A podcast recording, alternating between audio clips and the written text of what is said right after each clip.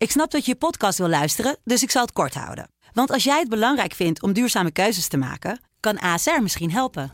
Nou hoor ik je denken, hoe dan? Nou, bijvoorbeeld bij het duurzaam herstellen van schade. Of de premies die we beleggen volgens ons duurzaam beleggingsbeleid. Dat bepaalt waar we wel en juist niet in investeren. Wil je meer weten over welke duurzame keuzes ASR maakt? Ga dan naar asr.nl slash duurzame keuzes. ASR doet het. Zo, dan kan je nu lekker naar je podcast luisteren.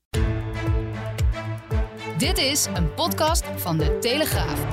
Ze heeft Vert er uh, proberen in te luisteren. Grapperhaus kwam er ook niet echt lekker uit hoor, vond ik uit die appconversatie. Wat bijvoorbeeld interessant is, is dat de minister-president niet WhatsApp. Die heeft dus een Nokia-telefoon. Afhameren met Wouter de Winter.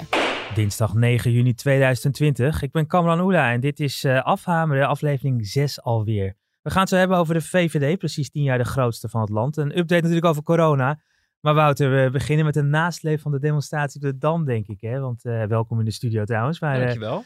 Uh, een onthullende column uh, ook deze week, los van al het nieuws van de afgelopen week. Maar er was meer communicatie tussen Amsterdam en Den Haag dan we tot nu toe wisten. Ja, we hebben natuurlijk eigenlijk een heel beperkt fragment gezien hè, van dat contact. Natuurlijk was dat al uh, pikant genoeg, zou je zeggen, als je ziet hoe, hoe dat, hoe dat WhatsApp-verkeer tussen de burgemeester van Amsterdam en de minister van Justitie is verlopen. Met, met haar um, ja, toch wat paranoïde links, links-rechts-wereld die zij voor zichzelf heeft gecreëerd. En al het gevaar en, en, en kritiek is kennelijk de schuld van een bepaalde kant van het politieke spectrum. Of van een hele populaire krant op de Stopera. Um, maar er is natuurlijk ook gebeld tussen Grapperhaus en, uh, en uh, Halsema. En uh, dat gebeurde natuurlijk ook al voordat dit, gebeurde, dit allemaal speelde. En trouwens ook daarna. maar ook is er contact gezocht door Halsema met premier Rutte om een uurtje of half negen s'avonds. Um, met het verzoek of ze even konden bellen met elkaar. Ja. En ehm, nou, Rutte die zag de bui al hangen en die zei nou... Zoek het maar bij, bij Grapperhaus. Uh, daar uh, heb je nu al contact mee.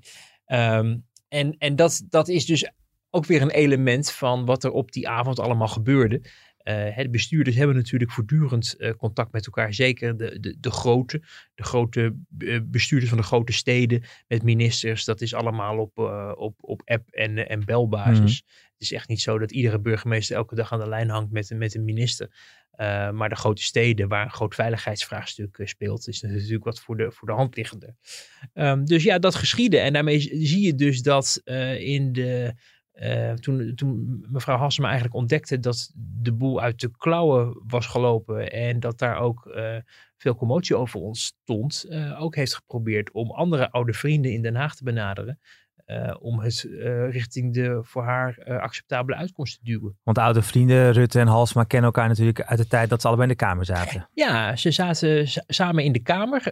mij komt vooral de tijd van de Balken en de Vier voor. toen zat Rutte natuurlijk ook zelf in de Kamer. En toen trokken zij samen op, samen met Alexander Pechtold overigens. En dat was echt een, toch een gouden trio hoor, eerlijk is eerlijk. Uh, uh, drie verschillende politici van drie verschillende partijen, maar die ook met elkaar het kabinet aanvielen. Iets wat je tegenwoordig maar nog maar weinig ziet. Hè? Dat partijen afspraken maken om het een beetje van elkaar af te wisselen als, mm -hmm. het, als, het, als er een, een, spannend debat is en een minister moet worden ondervraagd.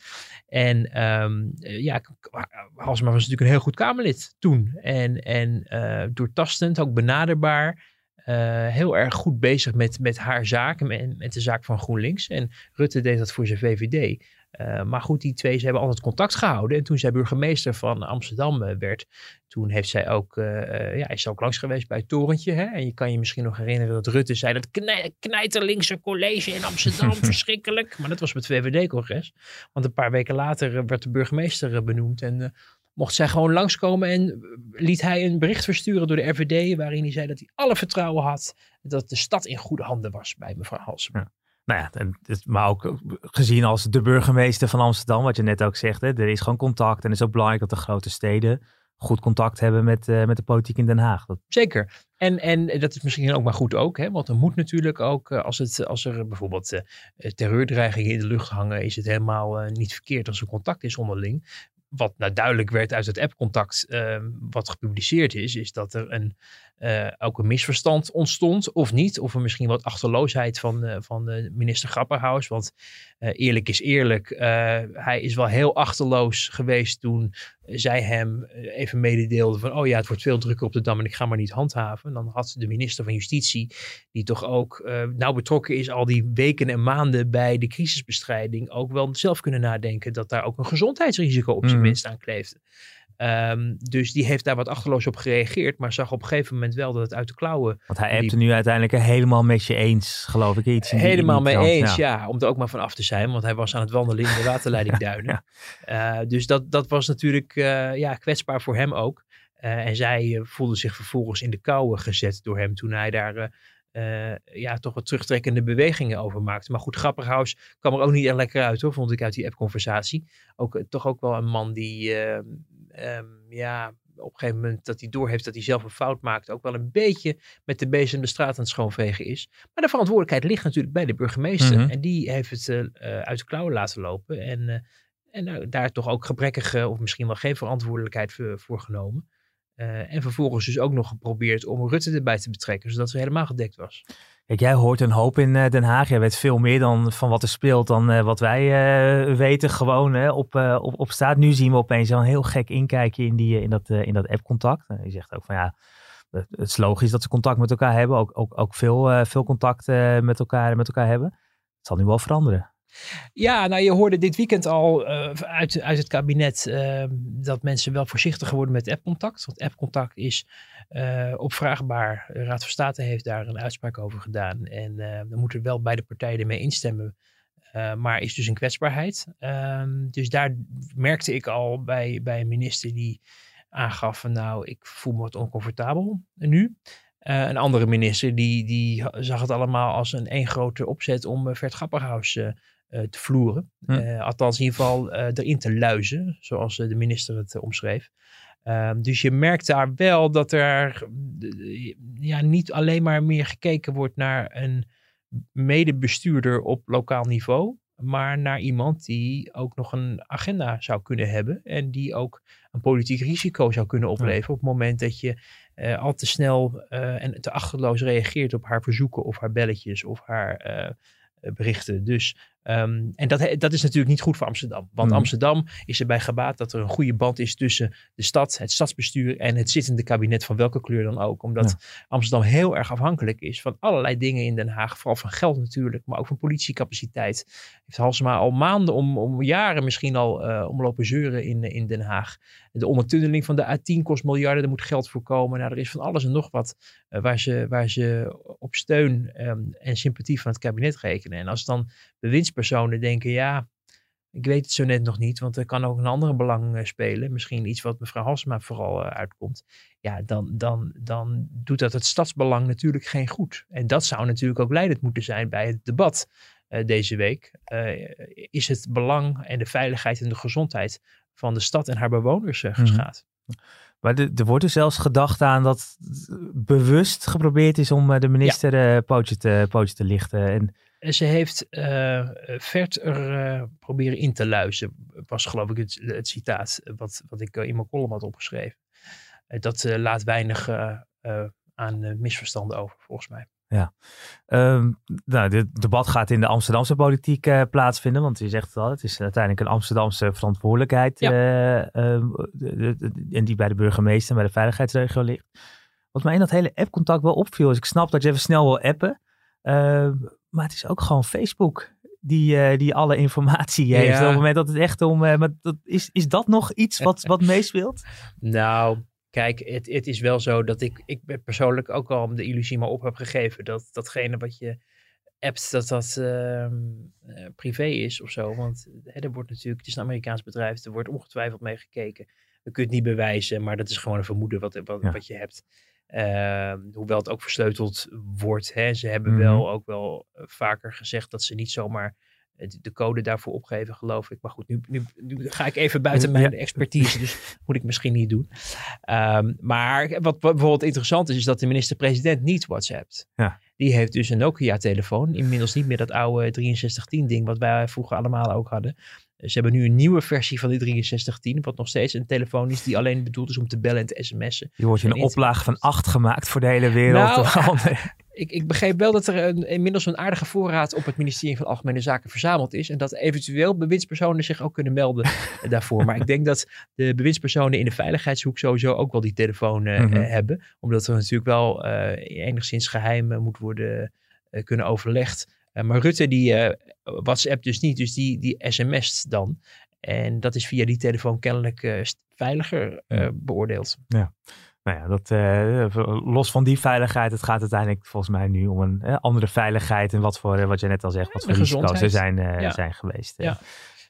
Het debat deze week geloof ik op woensdag in, in, Ja, ik, verwacht er niet veel van. Nee. Hè, dat, het- kijk, de, de gemeenteraad in Amsterdam, ik, ik, ik ben toevallig zelf Amsterdammer en dan volg je misschien wat meer met interesse. Mhm. En dan eh, kom je toch wel tot de conclusie dat het een hele gepolariseerde gemeenteraad is.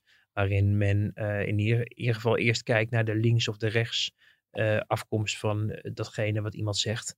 Voordat je naar het stadsbelang kijkt. Ja. En als, als Halsema op een of andere manier het veld zou moeten ruimen, zal dat door de linkerkant van de gemeenteraad, die in de meerderheid is, als een grote nederlaag worden ervaren. Dus dat Ja. speelt ook mee. Dit is een, een eh, eh, ik denk dat Paul Jansen, onze hoofdredacteur, dat goed opschreef. Het is toch een eh, wensdenken was leidend Mhm. met haar benoeming. En niet de, de bestuurlijke kwaliteit of de ervaring die je wel nodig hebt als je een grote stad leidt. Ehm, het, burgemeesterschap van Amsterdam staat eigenlijk gelijk aan, het, aan een ministerschap Mhm. qua zwaard en, en ook best wel een fors ministerschap.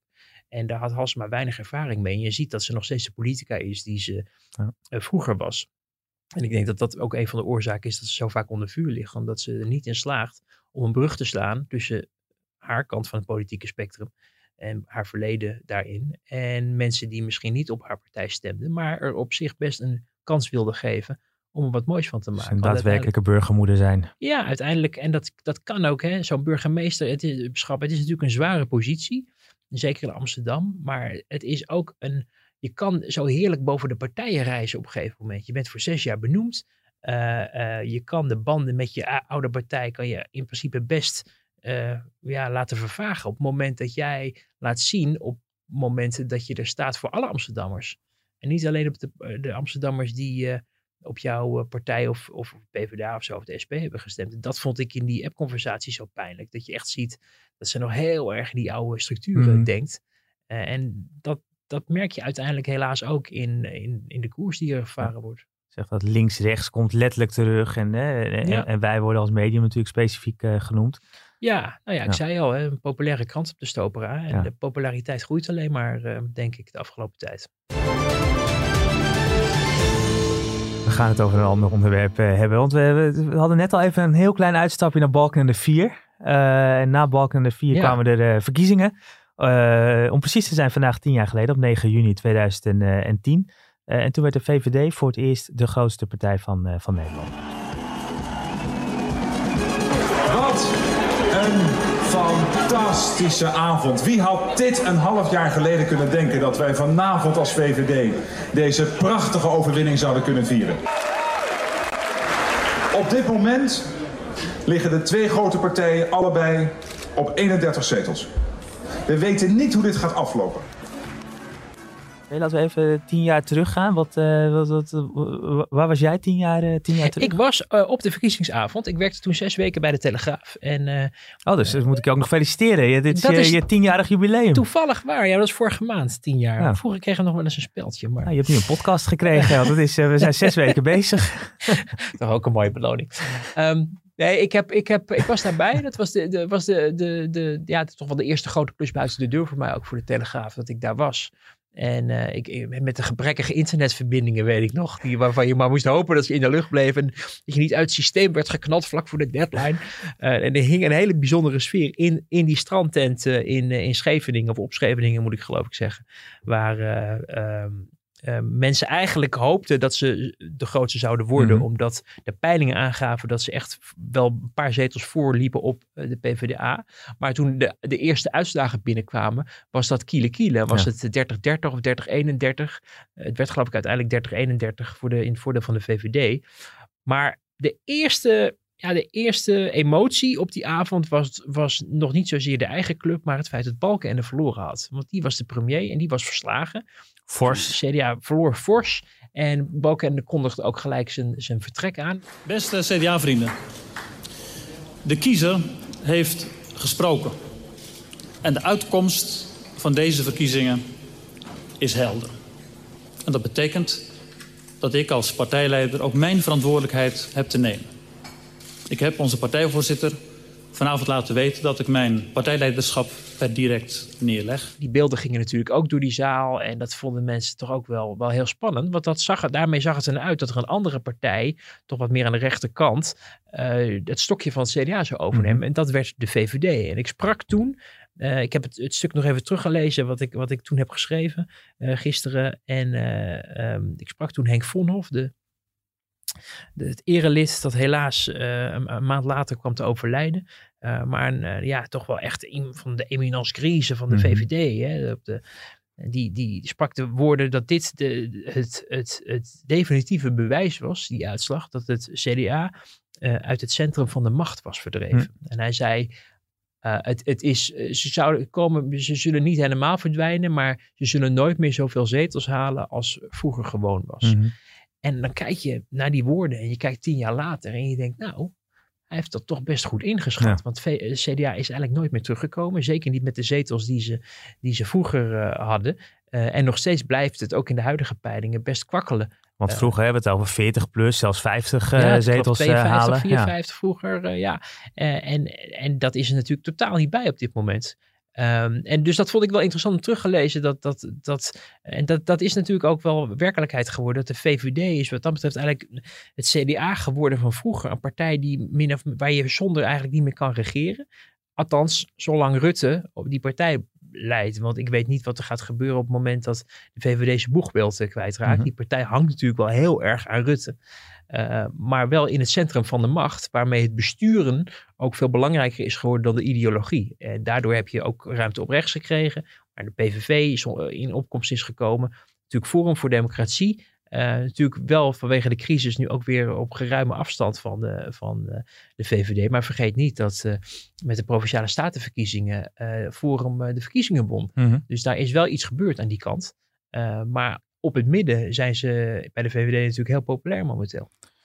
Je zegt het net eigenlijk al, hè? Het, het, het, Rutte. Eh, zonder Rutte is het, is, is het misschien niet is het anders. Dus kunnen, moeten we stellen dat VVD tien jaar de grootste is? Of moeten we nu eigenlijk stellen Rutte is tien jaar de grootste? Nou ja, het, het is alle twee waar. Uh, dus die keuze is snel gemaakt. Maar um, ja, ik denk wel dat zonder Rutte het, het, het, het, snel misgaat. En um, dat is ook de reden, denk ik, waarom we voorlopig nog niet van hem af zijn. Uh, ik denk ook dat hij privé heel erg graag streeft naar de langzittende premier worden. En daar moet hij nog een jaartje of twee voor om Lubbers te verslaan. Hij is een historicus. Hij vindt dat natuurlijk machtig. Mm -hmm. Even zat van de week zat ik bij Bo met, uh, met hij is misschien wel zijn beste vriend Lodewijk in de studio die vertelt hoe ze al op de vijftiende aan het praten waren over Engelse politiek en over het begrotingstekort in Zweden, geloof ik. Je denkt, wat een nerd, ze gaven ze ook toe. In, vergaf hij ook toe, die Lodewijk in de uitzending. Maar die man, die, die, die vindt politiek zo spannend. En als hij dan zo dicht bij de hoofdprijs misschien zit, de virtuele hoofdprijs van, van niet alleen premier zijn, maar ook nog eens de langstzittende premier in de geschiedenis worden. Um, ik denk dat hij dat wel, wel ambieert, uh, inderdaad. Dus voorlopig, um, en, en zijn partij ook niet aan moeten doen, denk ik nu, om nu op te stappen.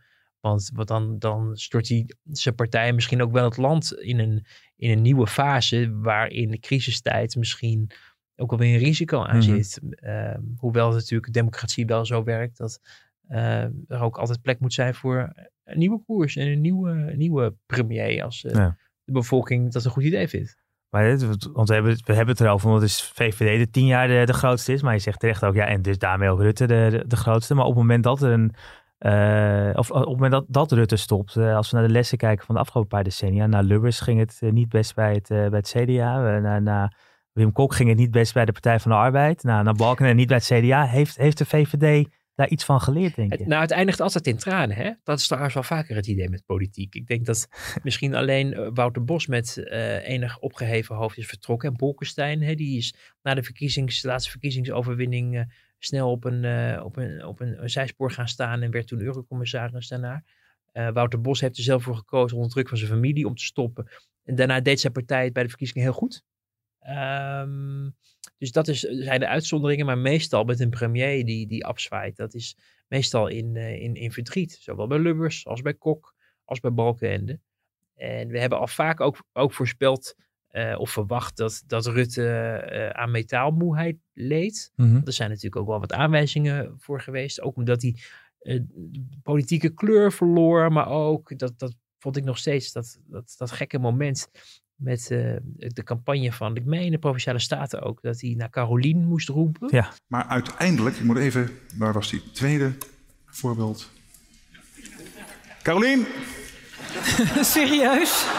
Ben even kwijt. Zullen we het anders eerst even over het eerste voorbeeld hebben? Eerst eerst voor onderwijs en daarna kom ik op het tweede. Ja, precies. Meneer Ascher. Ik dacht echt van, nou hier, dit is, hij heeft ze niet meer scherp en dit is niks voor Rutte om het zover te laten komen.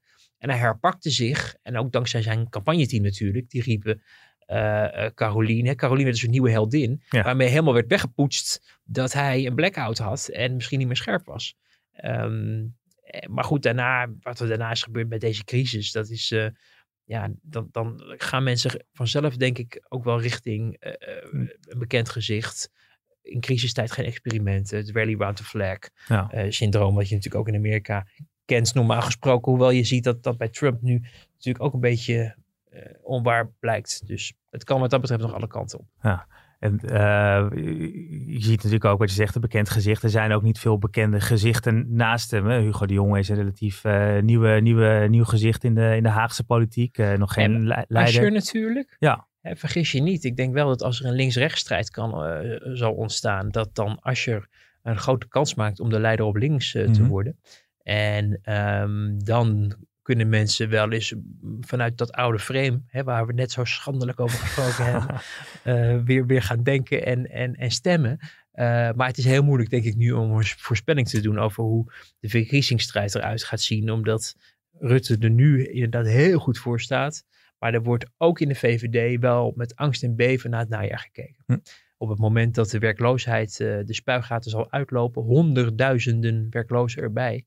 Dat zal een grote druk geven op de samenleving en op de politiek. Omdat die mensen uh, gefrustreerd raken, die willen aan het werk, er is geen werk. Mm -hmm. uh, dat kost een schatkist een heleboel geld. En hoe ga je zorgen dat je die economie weer vlot trekt in de tijd dat iedereen anderhalve meter afstand moet houden? Nou, ik hoef het allemaal niet uit te leggen.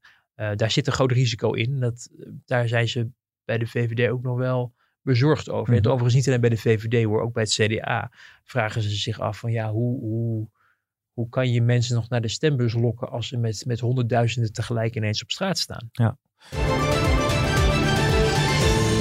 De, de kritiek die er op de VVD ook klinkt is, hè, we hadden net even over dat ze naar midden opschuiven of naar links zelfs opschuiven. Dus, dus niet meer op rechts, met name ook in dat hele stikstofdebat. Het, het, nou, dat is weer een actuele kwestie nu ook weer, die stikstofcrisis. Mm -hmm. Misschien nog even naar de actualiteit uh, toe. Uh, is, dat, is dat nog een spelbreker de komende maanden binnen het, binnen het kabinet? Want voor die coronacrisis werd gezegd, ja, dit is, dit is, dat zei Rutte geloof ik, het is het grootste crisis die ik heb meegemaakt. Uh. Ja, dat, dat, die crisis tegenwoordig, die zijn ook aan inflatie onderhevig, weet je wel eens. Um, nou, kijk, je, je, dat, ik hoorde gisteren, en dat was ook eigenlijk mijn eerste gevoel erbij, ja, uh, 50% reductie verminderen, dat is met, met minder dan een jaar uh, tot de verkiezingen, negen maanden tot de verkiezingen, echt een politiek onhaalbare kaart. Mm. Uh, partijen gaan uh, geen zelfmoord plegen, is mijn verwachting, door nog, nog meer vervelende maatregelen aan te kondigen voor een bevolking die al het idee heeft dat ze nu aan alle kanten onder druk staat vanwege de coronacrisis, maar in eerdere instantie ook vanwege klimaat- en stikstofmaatregelen. Om daar dan nog maar eens een schepje bovenop te doen, is politiek ook redelijk moeilijk uit te leggen. Zeker voor de boeren. Het ziet er toch naar uit dat men misschien meer met dwang en niet meer met vrijwilligheid uh, moet denken aan het stoppen van boerenbedrijven. Nou, dat is zelfmoord voor het CDA. Dat is zelfmoord eigenlijk ook voor de ChristenUnie. De minister van Landbouw uh, van de ChristenUnie heeft ook een beetje haar lot verbonden aan het feit dat het vrijwillig moet zijn. Dus hoe geloofwaardig ben je dan nog als je daar ineens uh, in zicht van de, van de verkiezingsfinish van koers gaat veranderen? En de VVD zit er ook niet op te wachten. Uh, dus er wordt denk ik een heleboel geparkeerd. Er wordt nagedacht, er wordt bekeken, wordt beschouwd, er wordt advies gevraagd. En het zou me niks verbazen als dit richting de verkiezingen gaat. En dat je in een formatie een nieuw moment krijgt dat er wel weer zal worden moeten ingegrepen.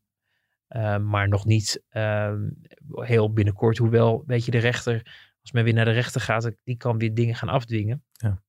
Maar um, ja, ik, ik denk dat, dat, dat dit niet onmiddellijk tot een grote uh, ingrepen zal leiden.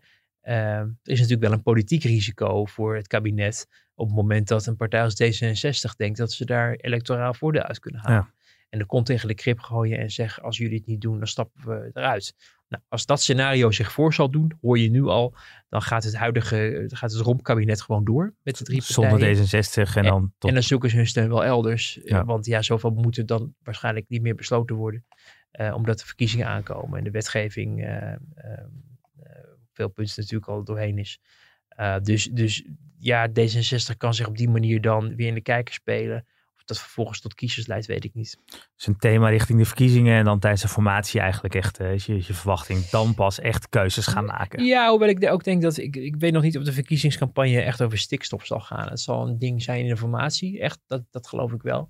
Maar ik denk dat, um, en daar heeft de PvdA natuurlijk slim gespeeld al door voor de crisis al op zekerheid in te stellen. En mensen willen in onzekere tijden zekerheid en houvast hebben. En ik denk dat vangnetten, regelingen, werkplannen, weet ik veel wat. Dat dat dingen zijn die heel erg zullen opkomen de komende maanden of eigenlijk na de zomer. Um, om het land weer um, ja, uit de crisis te krijgen.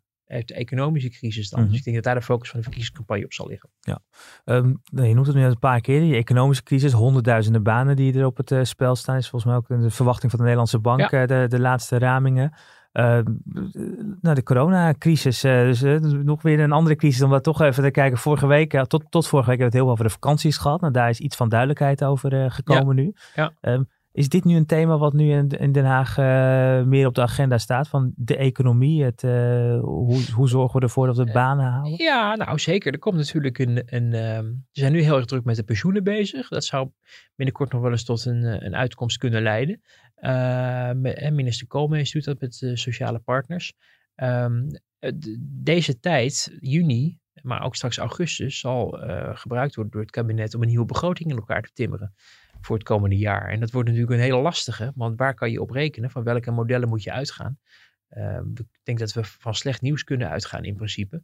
En hoe, hoe, uh, hoe, hoe ver en hoe lang blijft de geldkraan open? Ik denk in ieder geval het komende jaar nog steeds, al is het maar vanwege de huidige crisissituatie en het feit dat de verkiezingen aankomen.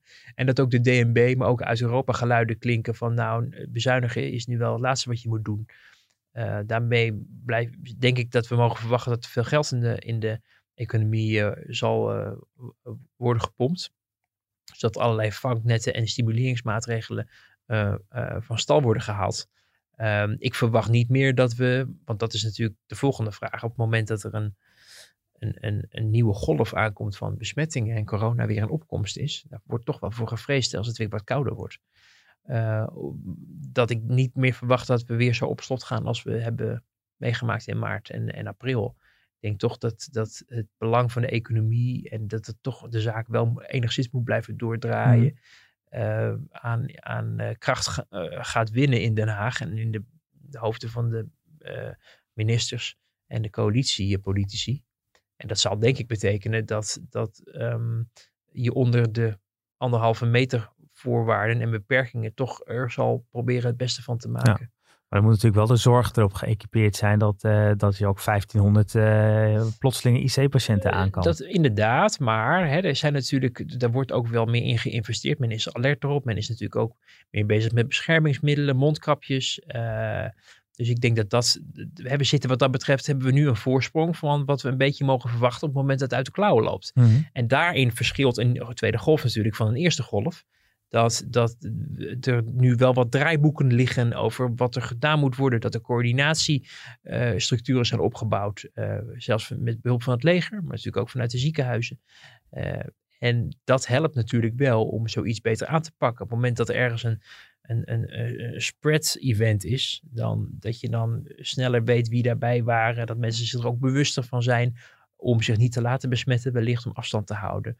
Dus uh, laten we hopen dat die ervaringen uh, het straks ook voor het, de politiek makkelijker maken om eh, zo min mogelijk vrijheid af te pakken Hm. van mensen. Zoals dat nu natuurlijk wel is gebeurd in april en eh, maart. Wordt er al over een evaluatie trouwens gesproken? We hebben het al eens eerder hierover gehad. eh, Om, om nu we een beetje in deze fase zitten om echt terug te blikken van Ja, of het go- goed is gegaan, fouten zijn gemaakt. ik, ik, ik verwacht het eigenlijk pas dat je dat serieus echt ingrijpend kan doen na de verkiezingen. Misschien met een parlementaire enquête als de balans wordt opgemaakt. Maar we zitten nog steeds, we zitten nog steeds in. Hè? Ja. Dat is het gekke, dat je, dat je het gevoel hebt dat het voorbij is. Eh, de crisisstructuur van het kabinet is ook eh, afgeschaft eh, of on hold gezet voorlopig. Ehm, maar dat virus is nog steeds onder ons en Mhm. besmettelijk. En, ehm, en we hebben natuurlijk de vakanties. Nemen mensen straks het weer mee van vakantie? Dat weet je niet. Ehm, dus ik denk dat ook politiek gezien het natuurlijk heel onwenselijk is om nu al balansen op te gaan maken. Dat zullen de huidige machthebbers natuurlijk niet willen doen. Dus ik verwacht dat eigenlijk pas eh, volgend jaar. In de tussentijd blijven wij gewoon weer anderhalf meter afstand houden. Bevalt goed. Ja. nou, heeft ieder nadeel heeft zijn voordeel. Ja, ik vind eh. het wel fijn dat je niet iedereen meer hoeft te zoenen en zo. Weet je, dat, dat is eh, van hallo en dan drie zoenen en daar zijn we gelukkig misschien wel permanent van genezen. Ja, dat ongemak inderdaad. eh, daar Ja. zijn, we, zijn we vanaf. eh. Ja.